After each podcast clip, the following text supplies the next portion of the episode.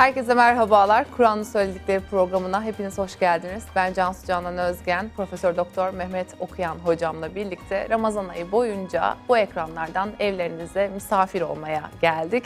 Bugün yine Kur'an'ın söylediklerinden önemli mesajları konuşacağız. Kıymetli hocamla birlikte. Hocam tekrar hoş geldiniz. Teşekkür ederim. Çok sağ olun. Allah razı olsun. Bir kez daha tekrarlayacağım. Ne güzel Ramazan'da sizinle böyle program yapmak. Geçtiğimiz programda Ramazan oruç ilişkisini konuşmuştuk. Bir takım kavramlara değinmiştik. Bu programda Ramazan, e, insan ve Kur'an-ı Kerim ilişkisini konuşalım istiyoruz. Aslında ilk programda konuşmuştuk.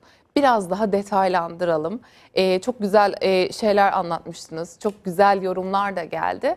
Ben e, Kur'an ahlakıyla ahlaklanmak deyip meseleye girmek istiyorum. Bir insanın Kur'an'la olan genel ilişkisi ve bütün hayatında hani muttaki olmaktan bahsedersiniz de siz Evet. Kur'an'ın rolü veya kişinin Kur'an'ı hayatının merkezine ne şekilde e, koyması gerektiğini sizden dinleyelim. Buyurunuz. Kur'an'ın indiriliş gayesi e, Kur'an'da çok çeşitli ayetlerde ele alınır. Yani bu kitap niye indirildi? Sorunun cevabını bizzat Allahü Teala verir ve o verdiği cevapların içerisinden açıp baktığınız hani konunun içine biraz daha girdiğiniz zaman e, muhteşem açılımlarla yüzleşiyorsunuz. Mesela Kur'an biri bana sorsa dese ki özet halinde bir cümleyle ve çok kısa bir cümleyle bana Kur'an'ın asıl hedefinin ne olduğunu söyle dese ona şöyle cevap veririm. Ahlaklı insan yetiştirmektir. Kur'an'ın bütün amacı budur. Bunun ilkelerini Allah belirler. Çünkü ahlak denen şey, tabi ahlak Arapça bir kelime. Kelime Arapça olduğu için bu kelimenin o dilde verdiği anlamdan koparak yeni bir anlam e, eklemesi yapamayız. Kavramlar kendi dillerinde neyi ifade ediyorsa biz onları onun üzerinden şekillendirmeliyiz. Oradan konuyu Kur'an ahlakına getireceğim. Kelimenin kendi anlamından hareket ederek. Ahlak, hilkat, yaratılış demek. Ahlakla hilkat aynı kökten geliyor. Aynı kelime köküne. Üç harfi de eşittir yani kök harfleri.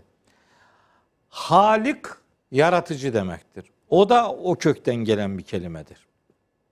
Ahlak da o kelime aynı kökten gelir. Huluk kelimesi var o da aynı kökten gelir. Peki nedir bunların bütün ortak verdiği anlam? Yaratılışla ilgili yaratıcının hayata dair belirlediği esaslara ahlak derler. Ahlakın tanımı kelimenin verdiği anlamdan hareketle söylüyorum. Yara halik olan Allah'ın yani yaratıcı olan kudretin hilkatle yani yaratılışla ilgili belirlediği temel öğretilere, temel prensiplere ahlak denilir. Öyleyse bizi yaratan kudret bizim madde planında da, ruh planında da hangi özelliklerde dizayn edildiğimizi elbette herkesten daha iyi o bilir. Ona göre bu hayatı düzgün yaşayabilmek için bu hayatın sahibinin ortaya koyduğu ilkeleri kendi hayat prensiplerimiz edinmek mecburiyetindeyiz. Onun için ister istemez Kur'an'ı açmanız gerekiyor. Kur'an size hani yol haritası verecek. Hatta sadece harita gibi de değil. Yani güncel kullanımlarla söyleyeyim böyle navigasyon gibi yani anlık bilgi verir size Kur'an. Öyle- Hangi olayda nasıl davranman gerekiyor? Evet, tabii. Şimdi haritalar O olayda şöyle bir şerh varsa onu hangisinden muaf, muaf olduğunu bildiriyor da mesela. bildirir mesela. Yani inanın Kur'an çok canlı bir kitaptır. Öyle muhteşem kelime dizaynları vardır ki o kelimeler, kelimelerin içerisindeki o anlam zenginliği hayatın her alanına dair sizi şekillendirecek bir takım prensipler sahibi kılınmış. Yani öyle bu kitabın kelimeleri standart, sıradan kelimeler değiller yani. Kelimeler Allah'ın seçtiği kelimeler olunca onların ver- verdiği mesaj muhteşem oluyor. Bakın şimdi Kur'an-ı Kerim'de e, yaratılışla alakalı ayetler var. Şimdi diyor ki Allah bizim yaratılışımıza eklediği, yerleştirdiği özelliklerden biri fıtrat. Mesela fıtrat kelimesiyle din kelimesi Kur'an'da bir ayette eşitlenir. Hangi ayet? Rum suresinin 30. ayeti. O ayette Allahu Teala Hazreti Peygamber'e hitaben buyurur ki: "Feqim vecheke lid-dini hanifa" Sen Allah'ı birleyici olarak yüzünü, benliğini Allah'a çevir. Yani açıklama getiriyor. Dine çevir. Yani fıtrat Allahilleti fetaran nas aleyha. O zaman biz fıtrat e, fıtratımız din üzerine doğuyoruz. Evet. Sonradan sapıyoruz ya da devam ediyoruz muttaki olarak. Aynen öyle. Hazreti Peygamber tam da ona dair bir şey söylüyor. Diyor ki Küllü mevludin yuledu ala fıtratil İslam. Her doğan İslam fıtratı üzere doğar. Çünkü Allah hepimize bir fıtrat vermiş, bir vicdan vermiş. Hepimizin doğrunun ne olduğunu algılayabileceğimiz akıl vermiş. Doğrunun izini sürebileceğimiz irade vermiş. Bakın bu dört değer fıtrat, vicdan, akıl, irade. Bu dört değer insanlara doğuştan verilmiş nimetlerdir. Onun için bir insan diyelim ki bir peygamberi duymadı. Yaşadığı coğrafya itibariyle bir peygamber öğretisi oraya ulaşmadı mesela. Olabilir böyle dünyada yerler olabilir. E, şimdi belki internet çağındayız. Şimdi çok daha rahat ulaşılabiliyor ama bundan Yine 100 sene yani öncesine Afrika'da işte tablet görmeyen çocuklar var işte. Mesela bugün bile var. Bugün bile maalesef. Hani bunun 50 sene, 100 sene öncesine gidin çok daha e, namüsait şartlar söz konusudur. Peygamber öğretisi bir insana ulaşmamış ise şöyle ifade edilir. O insan hiç sorumlu değildir. Hayır. O insan peygamberlerin verdiği bilgilerden sorumlu değildir. Ama onların da sorumlu olduğu alanlar vardır. Hangi alanlar? Fıtratı var, vicdanı var, aklı var, iradesi var. Peygamber öğretisiyle buluşamamış insanlar kitap bilgisinden sorumlu değildir. Ama o ortamlarda da bu bilgileri onlara kim ulaştırmadıysa bu defa onlar sorumludur yani. Ulaşabilecek durumdayken eğer ulaşmaya çabası içerisine girmediyse kişi sorumludur. O bilgileri onlara ulaştırması gereken diğer insanlar da sorumludur. Ama ne olursa olsun işin sonunda bir ulaşım sorunu yaşanmış ve o ilahi bilgilerle insanlar buluşamamışlarsa onlar sorumsuz değildir. Onlar akıllarıyla, iradeleriyle, fıtratlarıyla ve vicdanlarıyla doğru hareket etmekte sorumludurlar. Düşünün mesela burada bir kamera diyelim. Kamera e, hareketli bir kamera. Diyelim ki arıza yaptı, düşüyor. Altında da biri var. Yani acaba Kur'an'da ne yazıyor kamera düşerken biz şimdi buna nasıl hareket etmeliyiz diye onu burada aramaya gerek yok. O vicdanında arayacağız O evet, vicdanınızda önce, var evet. zaten. Siz hemen harekete geçersiniz. Değil mi? Boğulmak üzere olan birini gördüğünüz zaman bir kitap okumanıza gerek yok. Fıtratınız ve vicdanınız sizi hareketlendirir. Dolayısıyla bizim sorumluluk alanlarımız dini bilgilerle şekillenmiştir. Doğrudur. Ancak mesele bundan ibaret değildir. Bizim yaratılıştan getirdiğimiz o fıtrat ve vicdan dediğimiz o önemli iki değer bizim sorumluluk alanlarımızın sadece yazılı metinler olmadığını, başka sorumluluk alanlarımız bulunduğunu da ortaya koyar. Ama biz işin o tarafını geçelim. Gelelim fıtratımızla eşitlenen dinin kaynağına. Yani Kur'an'a. Yani Kur'an ahlakıyla ahlaklanmanın nasıl mümkün olacağına. Bakın e, Kalem suresi diye bir sure var Kur'an-ı Kerim'in 68. suresi. O surenin hemen başında Allahu Teala Hazreti Peygamber'e hitaben diyor ki Estağfirullah ve inneke la ala hulukin azimin. Sen çok büyük, evrensel, kıymetli bir ahlak üzerindesin. Şimdi peygamberimizin peygamber olmadan önceki hayatına da bakıp risalet öncesi o 40 yıllık hayatını öğrenebildiğimiz, bize aktarılan haliyle söylüyorum. incelediğiniz zaman hani insanın yüreğini burkan, canını sıkan, sonradan tebliğ ettiği bu İslami öğretilerle taban tabana zıt olabilecek bir hayat tecrübesi örnekleri görmüyorsunuz. Mesela hiçbir kayıt Hazreti Peygamber'in puta taptığını Göstermiyor. göstermiyor. Hiçbir kayıt onun kumar oynadığını göstermiyor. İçki içtiğini göstermiyor. Zina yaptığını göstermiyor. Yalan konuştuğunu Evet, göstermiyor. emin olunmayan olduğunu göstermiyor. Evet. Ki o kadar düzgün yaşamış, o kadar harika bir hayat standardı götürmüş ki ona el emin demişler, güvenilir insan demişler.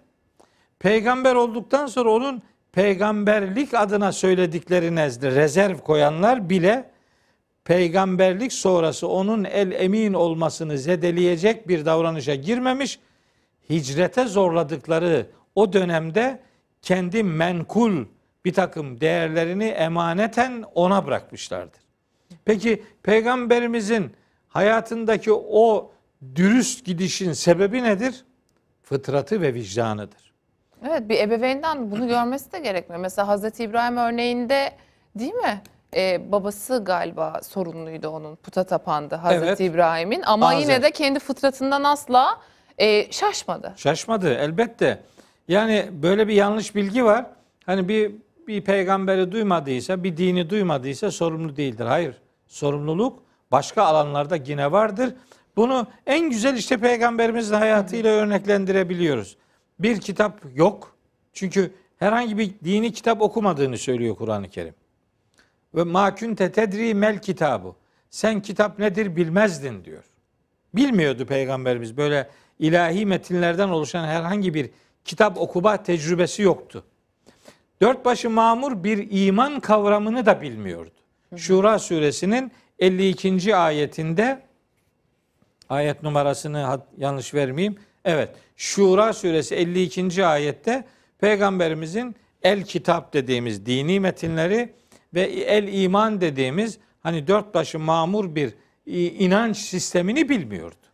Fakat Mekke'de e, Hazreti İbrahim'den kalma, Hazreti İsmail'den kalma e, Hanifler dediğimiz biraz da muvahhid adı verilen tek Allah inancını benimsemiş, o inanç doğrultusunda bir takım hayat tecrübeleri ortaya koyan az sayıda insan vardı. Bir zümre vardı yani. Vardı ve peygamberimizin dedesi Abdülmuttalib'in de onlardan olduğu bilinmektedir. O o öğretiyle, o şifahi bilgiyle e, zihninde bir takım şekillenmeler olmuştur. Ancak bunların hiçbiri kitabi bir bilgi olmadığı için fıtrat ve vicdanı üzerinden Allahu Teala Hazreti Peygamber'e çok büyük evrensel bir ahlak üzerindesin demiş. Sonra da peygamberimiz şu beyanıyla bunu tefsir etmiştir. O ayeti. Kalem suresinin 3. ayeti. Demiştir ki peygamber aleyhisselam İnnemâ bu'istu li utemmime mekârimel ahlaki. Ben ahlaki değerleri, ahlaki güzellikleri tamamlamak için gönderildim. Peki o kendiliğinden mi tamamlıyor? Hayır. Onun tamamladığı şeyler Allah'ın ona vahyettiği bu ilahi bilgilerdir. Öyleyse din adına ahlak göndermesi yapacaksak biz bir insanın hayatını Kur'an ahlakıyla şekillendirmek durumundayız diyorsak yolumuz bir tek yere çıkar. O da Allah'ın kitabı Kur'an. Peygamberimizin tamamlamak üzere gönderildim dediği ahlakın ilkeleri Kur'an'da yer alır. Bu ilkeler hayatın her alanına dair çeşitlilik gösterir. Peki hocam burada e, aslında çok önemli şeyler söylediniz. Ben bu bahsi biraz daha detaylandırmak istiyorum. Dediniz ki ahlaklı insan yetiştirmek ama burada şu hayatıydı söylediğiniz şeyde ilkeleri Allah belirler Evet. dediniz. Şimdi günümüz e, toplumlarında e, dinlerin hani e, böyle yorumlamaları üzerinden insanların kendi inanışlarını e, dine revize eder gibi yorumları e, çok fazla mümkün. Dine Çok da uymak tar- yerine dini kendilerine Evet uyduruyorlar. evet doğru dilim dönmedi tam doğru ifade buydu ve tabii çok fazla tartışılan mesele var diyor ki ben onu yapmıyorum bunu yapmıyorum şunu yapmıyorum ama ben iyi bir insanım Esas olan budur. Evet, e, ben de iyi bir insan olmayı herkes gibi, İslam da, din de aslında iyi bir insan olmayı merkeze koyuyor ama yine burada hayati bir cümleniz var. Dediniz ki yaratılışla birlikte yaratıcının belirlediği prensiplere denir ahlak. Evet. Peki yaratıcı Kur'an-ı Kerim'de ayetlerle iyi bir insanı, ahlaklı bir insanı ne gibi prensiplerle e, sıralıyor? Evet. Yani ayetler kesin söylüyordur. Şöyle Tabii. ol, böyle ol, bunu Tabii. yap, bunu yapma diye. Tabii. Onları da bir sıralayalım mı? Tabii. Hani Bakın. hepimiz diyoruz ya ben iyi bir insanım diye. Bir çek edelim bakalım. Tikleri koyalım öyle miyim, değil miyim diye. Onu istiyorum aslında biraz da. Şimdi e, daha iyi anlaşılsın diye e, şöyle bir cümleyle gireyim cevaba. İyi, iyi değerlendirmesi iyiliği yapan Allah'ın değerlendirmesine göredir. Yani Allah kime iyi diyorsa veya hangi davranışa iyi diyorsa iyi odur. Diğerleri iyiye benzetilebilir.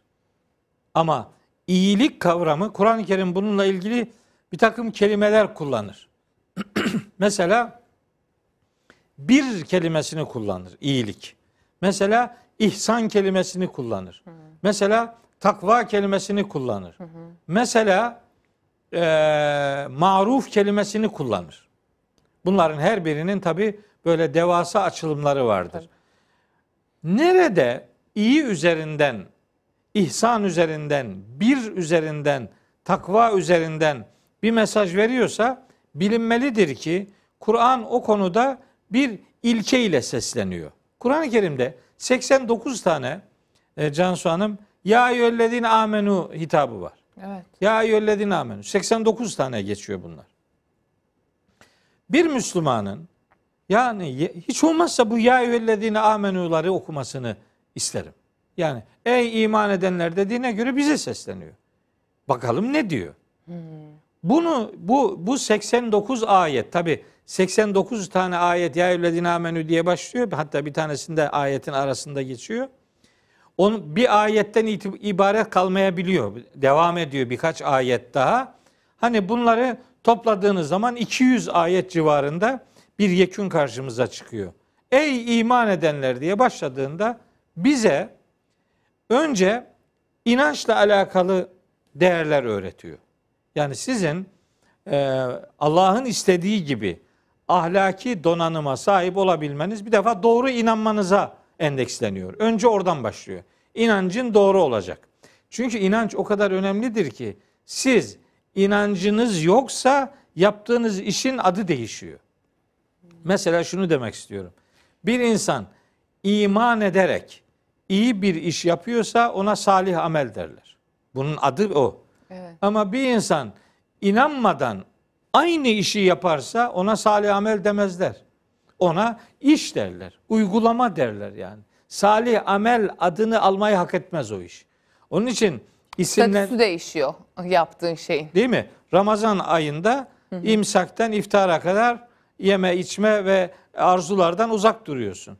Eğer bu bu işlemi oruç niyetiyle yapıyorsan yaptığın işe oruç derler. Evet. Ama aynı saatler arasında o işlerden uzak durursan İf diyeti yapıyorsun o zaman. O zaman- Açlık orucu diyorlar ona. Batılıların bul- bulduğu bir sağlıklı yaşam sistemi. mesela ama onun adı ibadet değil, onun adı oruç değil. aynen. Yani e, ibadetin, e, niyetin e, eylemleri isimlendirmede son derece etkin bir durumu vardır. Onun için Ameller niyetlere göre.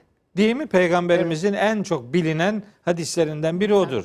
Hatta mütevatir olan hadislerinden bir tanesi odur. İnnemel a'malu bin niyyati. Ameller niyetlere göre değer kazanır. Bakın o kadar muhteşem bir hadistir ki o.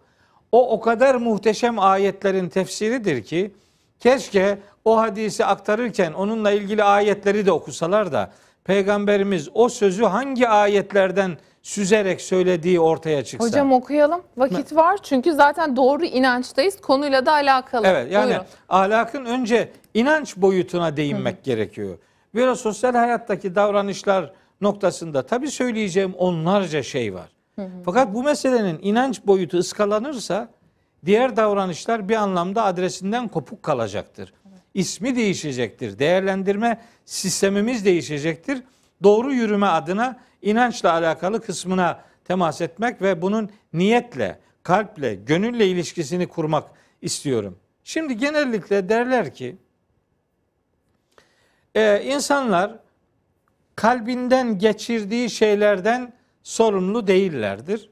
Yani insanlar kalplerinden bir şeyler tasarlayabilirler ama onları yapmadıkları sürece nihayet orada bir sorumluluk yoktur derler. Kötülük için ama mesela iyilik için hani kalbine iyi bir şey geçirdiğinde yapamazsan da sevap ama uygularsan iki misli sevap. Sevap. Kötü bir şey olursa yaptığında sadece günah ama kalbinden geçirirsen günah olmaz diye halk arasında Ha. bir yanlış var. Evet, Muhtemelen aynen öyle bir şey var. göre. Buyurun. Şimdi buna ben yanlış ben, ben dediğim için yanlış demiyorum. Kur'an dediği için Kalbin muhtemelen. kazanımlarından söz eder Kur'an-ı Kerim ya. Kalbin kazanımları. Evet. Daha peygamberimiz o sözü niye söylesin ki? Ameller niyetlere göre. Demek ki bunun bir kalp kısmı var. Bir gönül kısmı var. Davranışınızın değerlendirilmesi kalbinizdeki hissiyatınıza bağlıdır. O hissiyatınız sağlamsa işiniz değerli olacak, ödül kazanacak. Orada bir arıza varsa ge- geri kalan şekil değişecek. Bakın okuyorum ayeti. Bakara suresinde Allahü Teala buyuruyor ki 225. ayeti. La yuahizukumullahu billahvi fi eymanikum. Allah yeminlerinizdeki böyle kasıtsız sözlerden sizi sorumlu tutmaz. Kastınız yok. Dil alışkanlığıyla yaptığınız yerim, yeminler sorumluluk alanınızda değildir. Velakin ancak yuahidukum bima kesebet kulubukum. Eyvah. Kalplerinizin kazandıklarından sizi sorgulayacaktır. Kalbin kazanımları vardır. O niyet denen şey işte o. Orası belirleyicidir. Buradan hareketle insanlar davranışlarında şu veya bu şekilde yol belirlerler. Bakara suresinin 284. ayetinde de çok harika bir e, uyarı var. O uyarıda diyor ki ve in tübdü ma fi enfusikum ev tuhfuhu yuhasibkum bihillah. Eğer içinizde olan o duyguları, sözleri, bilgileri, niyetleri açıklasanız da gizli de bıraksanız da Allah sizi onlarla hesaba çekecektir. Kalpleri bilen yalnızca Allah'tır. Değil mi? çünkü. Zaten Evet. niye desin? İnnehu alimun bidatis sudur. Bir sürü ayet var. Allah gönüllerin, kalplerin derinliklerinde olanları bilir. Niye böyle diyor? Çünkü Allah bir şeyi bilir demek Allah o şeyin hesabını soracak demektir. Evet. O itibarla peygamberimizin amelleri yani davranışları niyetlere bağlamasının sebebi bir davranışın insanın hangi duyguyla onu gerçekleştirdiği noktasındaki duruşunu tespit içindir. Niyetiniz sağlam olacak. İnancınız sağlam olacak. Doğru şeylere inanacaksınız. Neye inanıla, inanılacağını, neye inanılmayacağını da imanın sahibi olan Allah belirler. Yani biz imanın şartları diyoruz ya. Evet. İmanın şartlarını işte mezhep mezhep farklılaştırıyoruz. Bir mezhebe göre öyle bir mezhep öyle bir şey olabilir mi? Yani ne demek mezhebe göre imanın şartı? İmanın şartını Allah belirler. Allah sayıyor mesela Kur'an-ı Kerim'de. Bakara suresinin 3. de ayetinde sayıyor. 4. ayetinde sayıyor. 200 şey 177. ayetinde sayıyor. 285. ayetinde sayıyor. Ali İmran suresi 84. ayette sayıyor. Nisa suresi 136. ayette sayıyor. Yani boş bıraktığı bir alan değil. Siz doğru şeylere inanacaksınız. Bir, doğru bir ahlakın, Allah'ın istediği bir ahlakın sahibi olmak istiyorsanız önce inancınızı doğru belirleyeceksiniz. Sonra sonra uygulamalarınızı Allah'ın istediği gibi yapacaksınız. Yani inanmak bir iddiadır. Bunun ispatı gerekir. Onun ispatı da davranışlarda, işte salih amel dediğimiz uygulamalarda, ibadetlerde kendisini gösterir. İbadetiniz eğer imanınızın gereği yaptığınız bir faaliyetse onun karşılığında sevap alacaksınız. Ve neyin ibadet olduğuna, neyin ibadet olmadığına da Allah karar verir. Yani din mahza Allah'a ait bir kurumdur. İnanılacak değerleri de Allah belirler. İbadet edilecek değerleri de, prensipleri de Allah belirler. Allah onları belirler. Peygamberimiz onları uygular. e, hapşıranlara yerhamükillah denir. Elhamdülillah demiştim. E, onu ve gördüm. yehdikumullah e, diye de cevap vereyim. o zaman. Evet. Elhamdülillah yani Allah sağlık versin. Allah'ın ihsan ettiği sağlıktan dolayı hamd övgü onadır. Biz yerhamükillah deriz. Eğer e, hapşıran hanımsa erkekse yerhamukallah deriz. Tabi koro halinde hapşırılacak olmadığı için yerhamukumullah demeyiz. Allah merhamet etsin, Allah acısın, Allah merhametiyle muamele buyursun diye dua ederiz. Ee, yine o hapşıran üçüncü cümlede de yehdina ve yehdikumullah. Allah bize bana da size de hidayet versin. Sizi ve bizi istikametsiz bırakmasın diye duamız var. Tabi bu ne kadar muhteşem bir güzellik. Bakın din nerelere karışıyormuş. Bakın yani Allah'ın müdahalede bulunmadığı bir alan yokmuş yani. Öyle hapşırmak Rahman'dan, esnemek şeytandan filan. Esnemek niye şeytandan olsun? O da vücudun bir refleksidir nihayetinde. Uykun geldi demek istiyor. Kalk yat yani. Bir uyarı sistemidir bu. İşi rahma bunlar vücudun refleksleri olduğu için onlara şeytanı bulaştırmanın bir alemi yok. Hepsi Rahman'ın ortaya koyduğu bir sistemin yavaş yavaş işleme biçimidir, işletilme biçimidir. Ee, nasıl ahlaklı olunuru e, cevaplarken doğru inançla olunur dedim. Bir, Hı hı, bir doğru inanç. Ha bu şu demek değil. İnancın yokla ah- ahlaksızsın demek değil. Böyle bir tersinden bir değerlendirme yapmıyorum. Allah'ın istediği gibi ahlaklı olmanın yolu önce doğru inanmaktan geçer. Sonra da o inançta samimi olduğumuzu göstereceğimiz uygulamalarımızdan geçer. Biz bunlara ibadet diyoruz. Biz bunlara salih amel diyoruz. Bizim davranışlarımız, ibadet adına davranışlarımız iki temel kategoride değerlendirilir. Bunlardan biri hasenat dediklerimizdir. Biri de salihat dediklerimizdir. Arapça kelimeler karşılıkları şu. Hasenat güzel işler demektir. Allah'ın yapın dediği her şey güzeldir. O işler yapılırsa kişi hem güzel bir iş yapmış olur hem kendini ahlakını güzelleştirir. Salihat ise hem önce insanın kendisini ıslah eden sonra da ikinci, üçüncü insanları ıslah eden, ortalıkta bir kötülük varsa, bir fesat varsa, bir çirkinlik varsa onları düzelten tavırlara denilir. Onun için Kur'an-ı Kerim insanın davranışlarında ister hasenat dediğimiz güzellikler, ister salihat dediğimiz düzeltici faaliyetler olsun. Her birini imanın bir göstergesi olarak sunar ve ahlaklı olabilmek için Allah'ın ibadet dediği o uygulamaları yerine getirmeyi dinin ayrılmaz bir parçası olarak bize öğretir ve bunu peygamberimiz örnekliğinde de yaşanabilir olduğunu bir rol model üzerinden bize gösterir. O itibarla bizim ahlak adına ortaya koyacağımız gidişat fıtratımızla barışık olmayı, vicdanımızla barışık olmayı, aklımızı doğru kullanmayı, irademizi doğru sevk etmeyi bizden ister. Ama bütün bu dört değerinde varıp çıkacağı nokta Kur'an'ın dediklerine işi götürmesidir. Kur'an inanılacak değerleri, uygulanacak değerleri sadece bunlarda değil bakın sadece ibadet üzerinden de değil. Mesele orada da bitmiyor. Adap dediğimiz ilkeler vardır. Edep, adap. Mesela Kur'an-ı Kerim'de çok ilginç. Nur suresinde, Ahzab suresinde, Mücadele suresinde ahlaki ilkeler kapsamında değerlendirilebilecek edep ilkeleri vardır. Yani konuşurken ses tonunuzdan, yürürken ayak adım atışınıza varıncaya kadar, size ait olan eve girişinizden size ait olmayan yere girişinize kadar bir insanla karşılaştığınızdaki ilk tepkinizin, ilk seslenişinizin ne olması gerektiğine varıncaya kadar Kur'an-ı Kerim edeple, adapla alakalı da onlarca prensip e, içermektedir. Hele ki 49. sure Hücurat suresi tekrar sureleri bir daha söyleyeyim.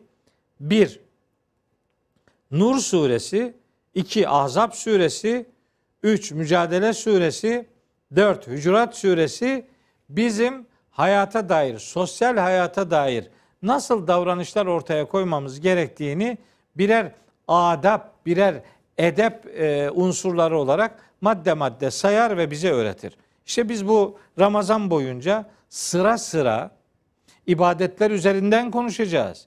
Yani burada elbette e, dört başı mamur bir namaz ibadeti konuşacağız. Bakalım ne isteniyor? Biz ne yapıyoruz? Oruçla ilgili bir önceki programda biraz değinmiştik. Sırası gelir gene değiniriz.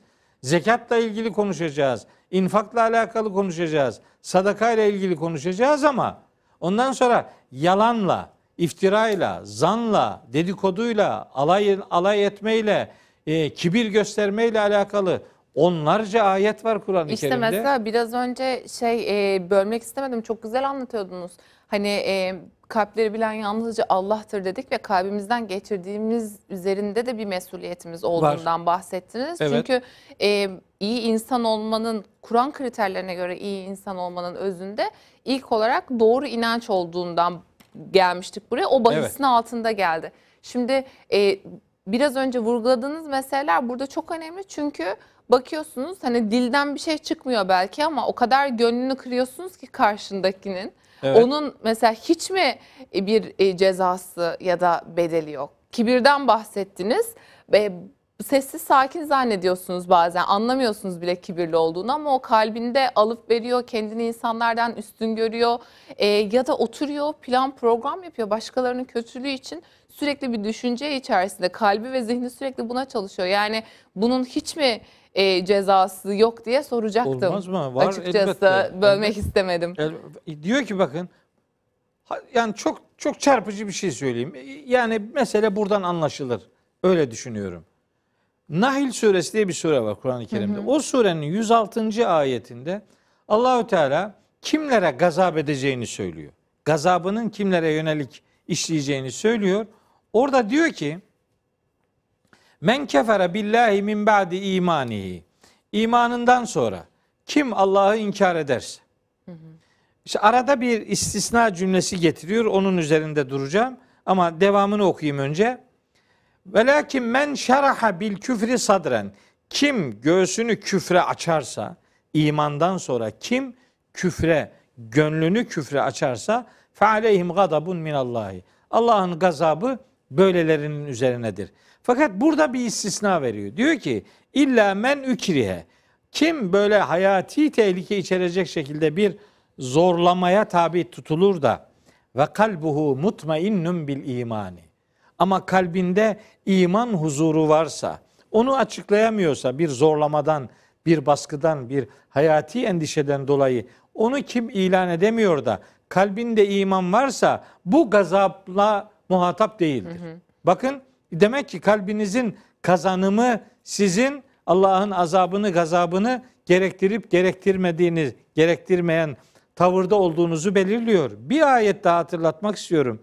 Nahil suresinde diyor ki 20. 22. ayet gene aynı surenin 22. ayetinde diyor ki fellezine la yu'minune bil ahireti. Ahirete inanmayanlar var ya diyor Allahu Teala. Kulubuhum münkiretun. Onların kalpleri inkarcıdır diyor. İnkar eden kalptir. O inkarı kazanan kalptir. Bir adam kalbin kazanımlarından sorumlu değilim diyemez. Kalbin kazanımlarından sorumluyuz zaten. Ama burada bir ayrım yapmak lazım. Lütfen. Nedir? Ee, gene pek çok ayette Kur'an'da 6-7 yerde geçiyor. Allah hiç kimseye gücünün üstünde bir şey yüklemez diyor. Bizim burada söylediklerimiz insanların iradeleriyle, akıllarıyla tasarlayarak bir kalp eylemi ortaya koymasıdır. Bir düşünce eylemi ortaya koymasıdır.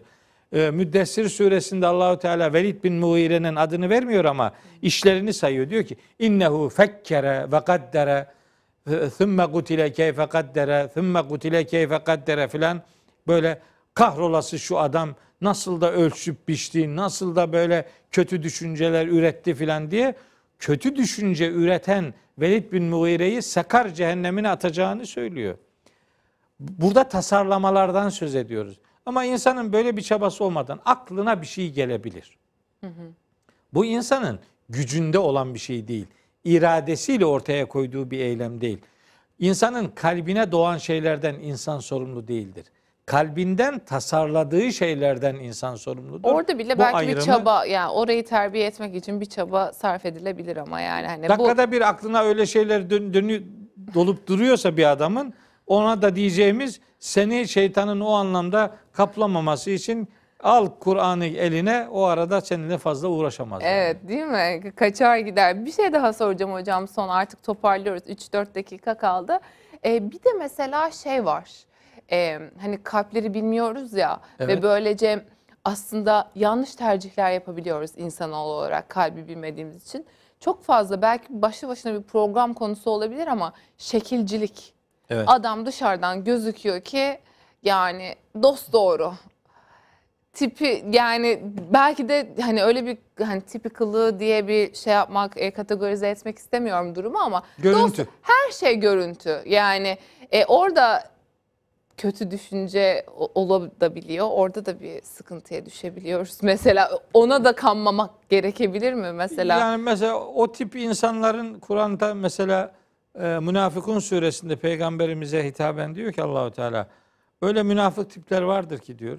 Ve idâ ra'eytehum onları gördüğün zaman tu'cibuke ecsamuhum cesetleri ilgini çeker. ha işte tam olarak bunu söylemeye çalıştım da yanlış bir şey söylemeyeyim diye Münafıkun döndürdüm suresinin durdum. dördüncü ayeti bu. Hatta diyor ki orada ve in yekulu tesma li kavlihim. İyi de konuşurlar diyor. Yani konuş, konuşurlarsa sen onları dinlersin diyor.